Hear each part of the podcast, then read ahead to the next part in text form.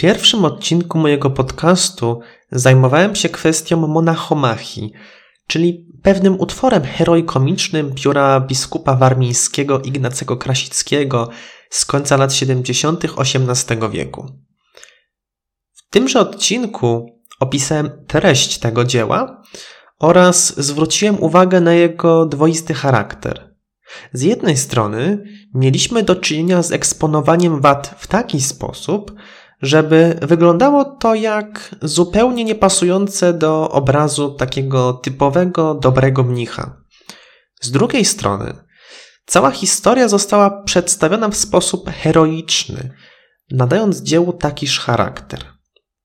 Oba te elementy tworzą poemat heroikomiczny, czyli utwór o temacie przyziemnym, ale przedstawiony w sposób poważny co finalnie dało efekt komiczny, a nawet i groteskowy.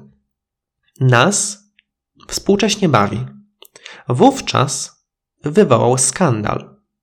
Jak w ogóle bowiem ksiądz biskup warmiński mógł skierować pióro przeciwko własnemu gniazdu, czyli przeciwko klerowi?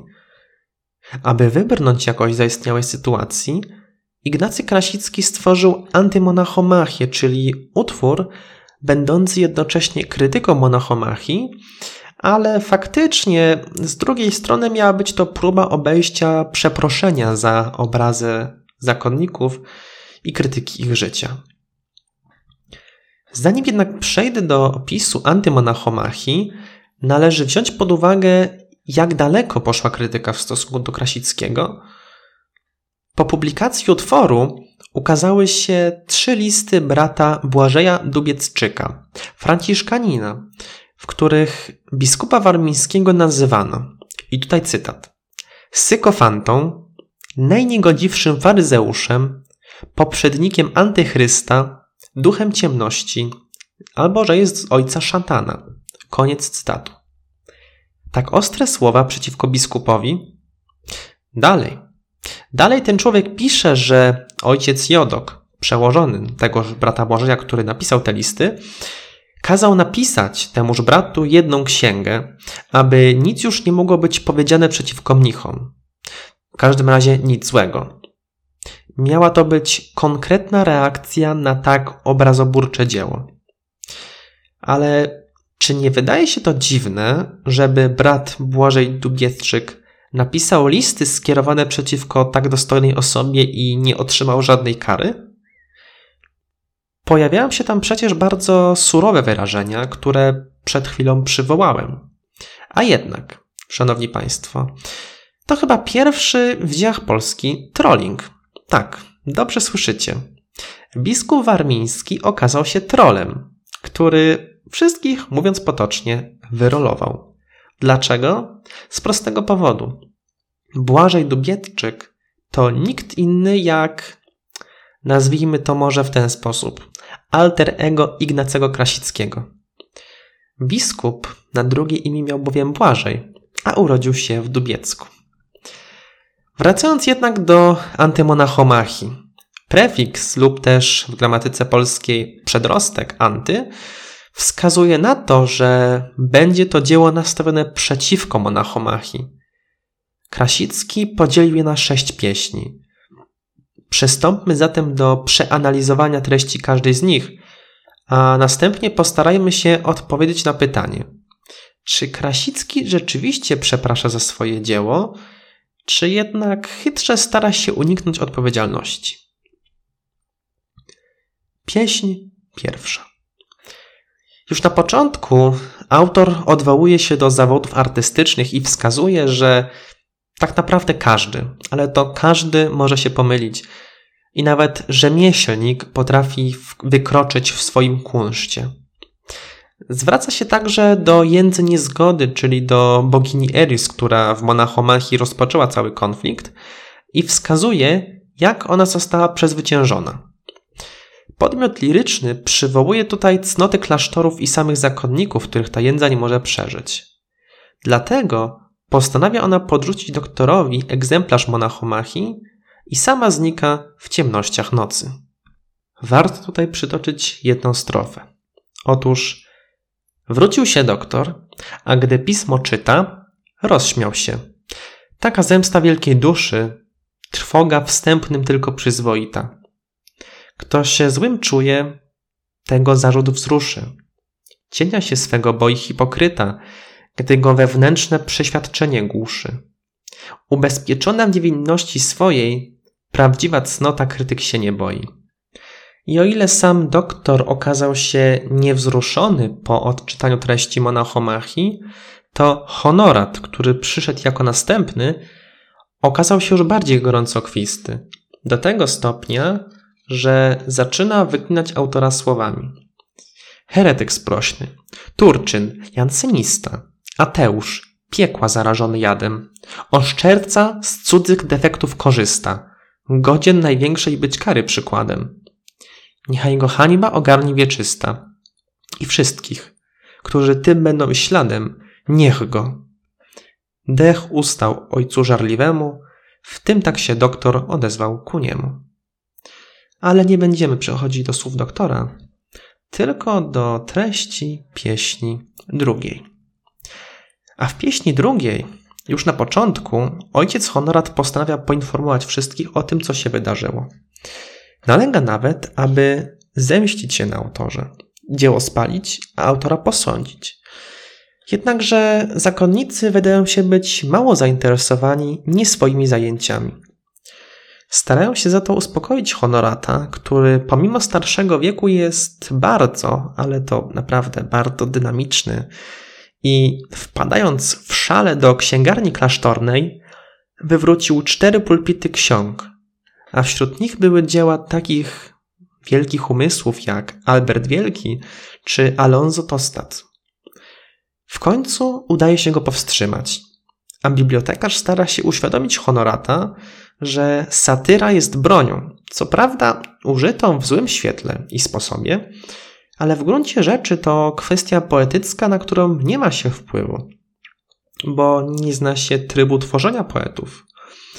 Albo jak mówi podmiot liryczny, posłuchaj tylko, ojcze honoracie. Różne się myśli wierszopisom marzą. Jeszcze ich trybu zupełnie nie znacie. Bywa częstokroć, gdy się zbyt rozżarzą, że mniej pamiętni o sławy utracie, zbyt lekko cudzą dotkliwość tłumaczą. Przejdźmy teraz do pieśni trzeciej.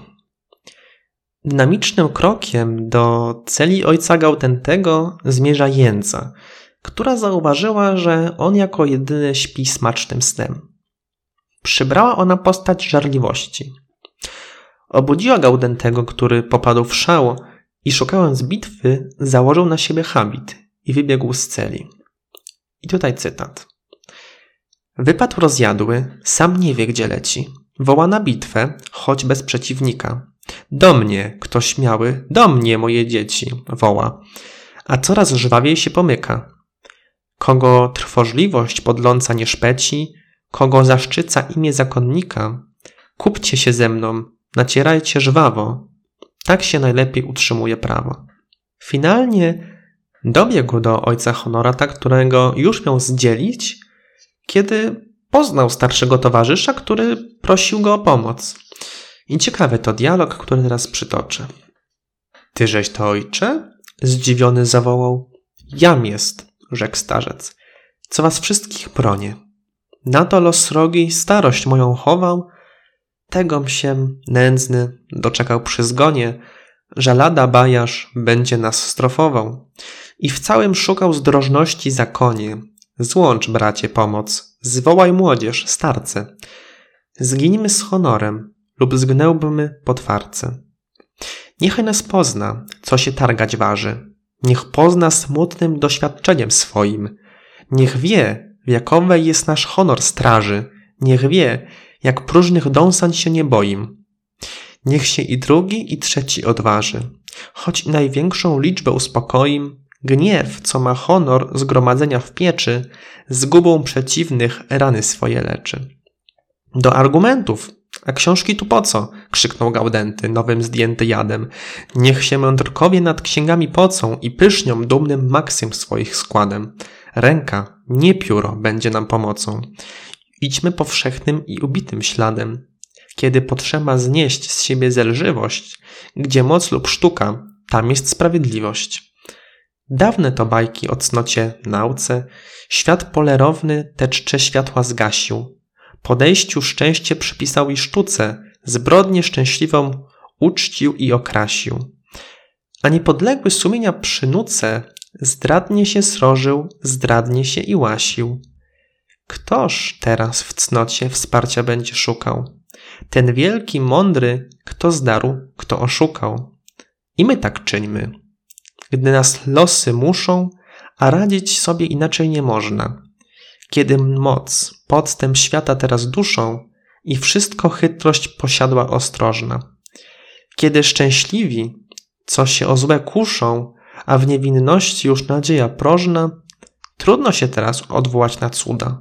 Bądźmy jak drudzy, a wszystko się uda. I przejdźmy teraz może do pieśni czwartej, gdzie podmiot liryczny poddaje krytyce treść monachomachii, a którą wyraża bardzo konkretnymi słowami. Tutaj cytat. Rodzaj poetów, co się z głowy pieści, niegodzien u nich względu i szacunku. Mędrzec ważący istoty i treści, mędrzec mający wyroki w szafunku.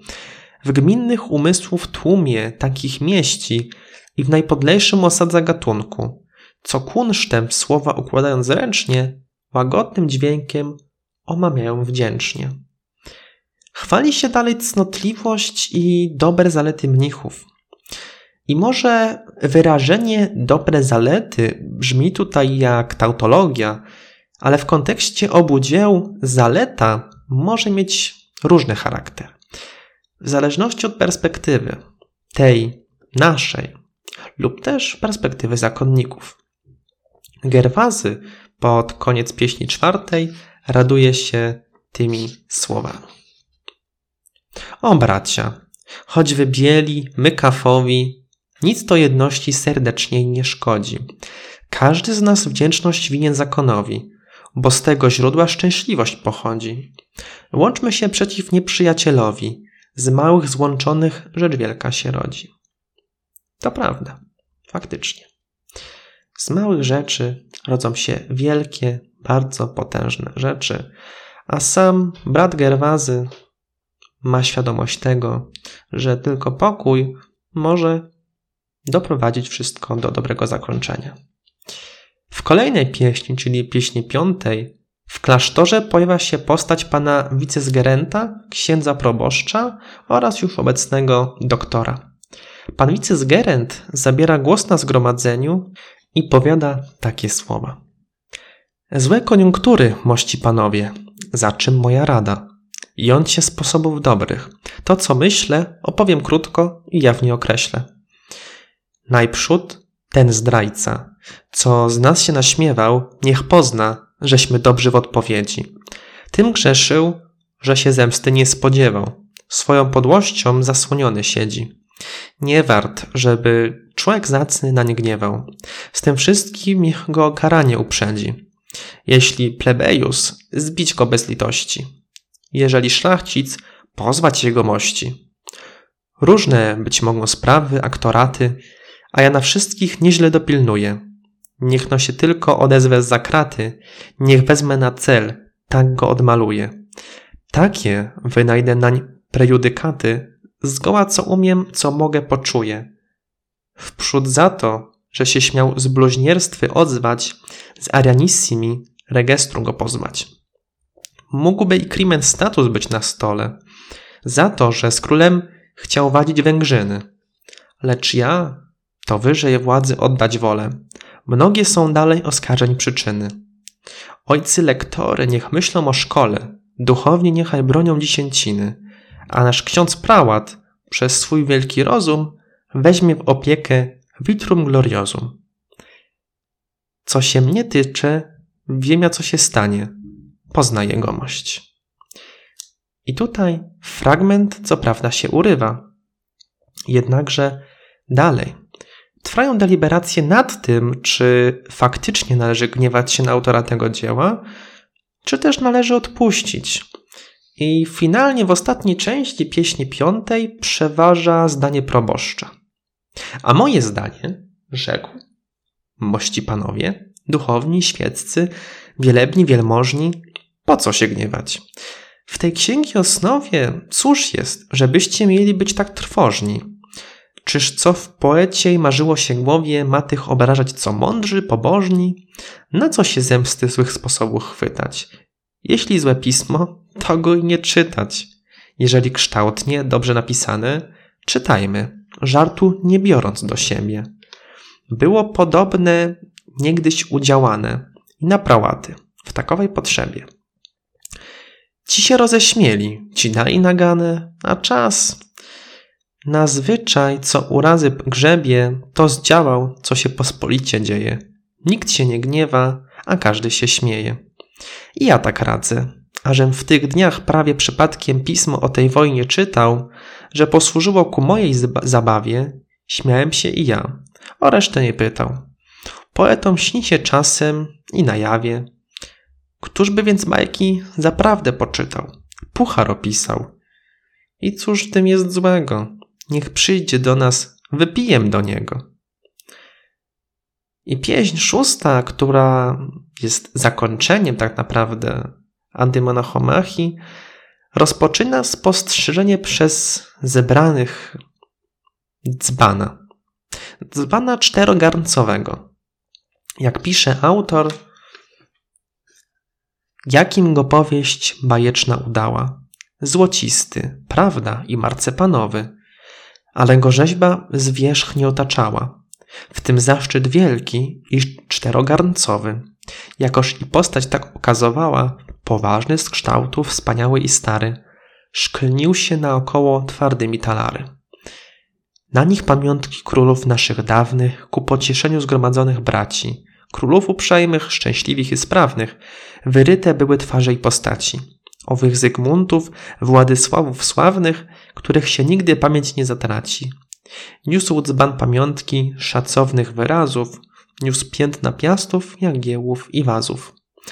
Takimi nasi ojcowie pijali, smutek stroskanych myśli nie zajmował, takimi uczty swoje odprawiali, uczty, uczty na których zbytek nie panował. Szedł dzban na kolej, w nim radość czerpali, a przemysł chytry ochoty nie psował. Rozweseleni uprzejmym obchodem napawali się i piwem, i miodem. Finalnie tę pieśń, jak i całe dzieło kończy pojawienie się prawdy, która wyszła z dna dzbana, co stanowi nawiązanie do apologu Demokryta o prawdzie ukrytej na dnie studni. I w zasadzie trzeba zgodzić się z prawdą oraz z księdzem proboszczem. Śmiejmy się. Trzeba czasem zażyć żartu, a jeśli jest to żart sprzed ponad 200 lat, to jeszcze ciekawsza rzecz. Współcześnie możemy zaobserwować przecież różne zjawiska, czy to poprawności politycznej, czy pewnej internetowej cenzury, która ostatecznie w jakiś sposób uniemożliwia opowiadanie żartów z uwagi na możliwość skrzywdzenia pewnych osób czy grup społecznych. Zwróćmy jednak uwagę na działanie Krasickiego. W duchu oświecenia skrytykował przy pomocy poematu heroikomicznego zabobon i zacofanie klasztorów. A kiedy pojawiła się zdecydowana reakcja na jego dzieło, napisał trzy listy pod przybranym imieniem, a następnie odpowiedź na monachomachię, w której nie wycofał się w pełni z wyłożonych poglądów. Właściwie rzecz ujmując, to całe zakończenie można potraktować jako stwierdzenie, że może i krytycy mają rację, ale ludzie powinni się częściej śmiać i nie brać wszystkiego do siebie. Ciągle wokół obu tych dzieł krąży zdanie: prawdziwa cnota krytyk się nie boi, a z drugiej strony nie wszystko złoto, co się świeci z góry. Można się jedynie zastanawiać, czy reakcja na to dzieło nie potwierdza jednak poglądu o tym, że te klasztory rzeczywiście były zacofane czy też zabobonne. Zwróćmy jednak uwagę na kwestię warstwy językowej. Zarówno monachomachia, jak i antymonachomachia podzielone są na pieśni, a w ich ramach na oktawy, czyli zwrotki ośmiowersowe. Dalej. Rymy mają charakter regularny. Rymują się odpowiednio wersy pierwszy, trzeci, piąty, dalej drugi, czwarty, szósty oraz siódmy i ósmy. Większość wersów ma 11 sylab. Zdarzają się niektóre, które mają ich 12. Wśród treści utworu można znaleźć rozliczne porównania homeryckie, czyli typy porównań, którego jeden człon jest rozbudowanym opisem ludzkich czynów zestawionych z zachowaniem zwierząt lub ze zjawiskami przyrody. Znajdujemy go w pieśni drugiej, w trzeciej oktawie. Oczywiście cały tekst jest zapisany w języku staropolskim, co z początku może stanowić pewien problem z płynnym zrozumieniem treści, jednakże po kilkukrotnym powrocie do poematu czyta się go łatwo. I tymże akcentem językowym pragnę zakończyć odcinek dotyczący monachomachii, a także ten odcinek, który dotyczy antymonachomachii. W gruncie rzeczy były to dwa odcinki, które odnosiły się do dwóch dzieł, ale były związane one tak bardzo silnie ze sobą, że nie można było skomentować jednego bez późniejszego komentarza drugiego. Bardzo uprzejmie dziękuję za wysłuchanie tego odcinka i tak jak zwykle zapraszam na kolejny, który ukaże się, no powiem szczerze, że za jakiś czas. Dziękuję bardzo i do usłyszenia.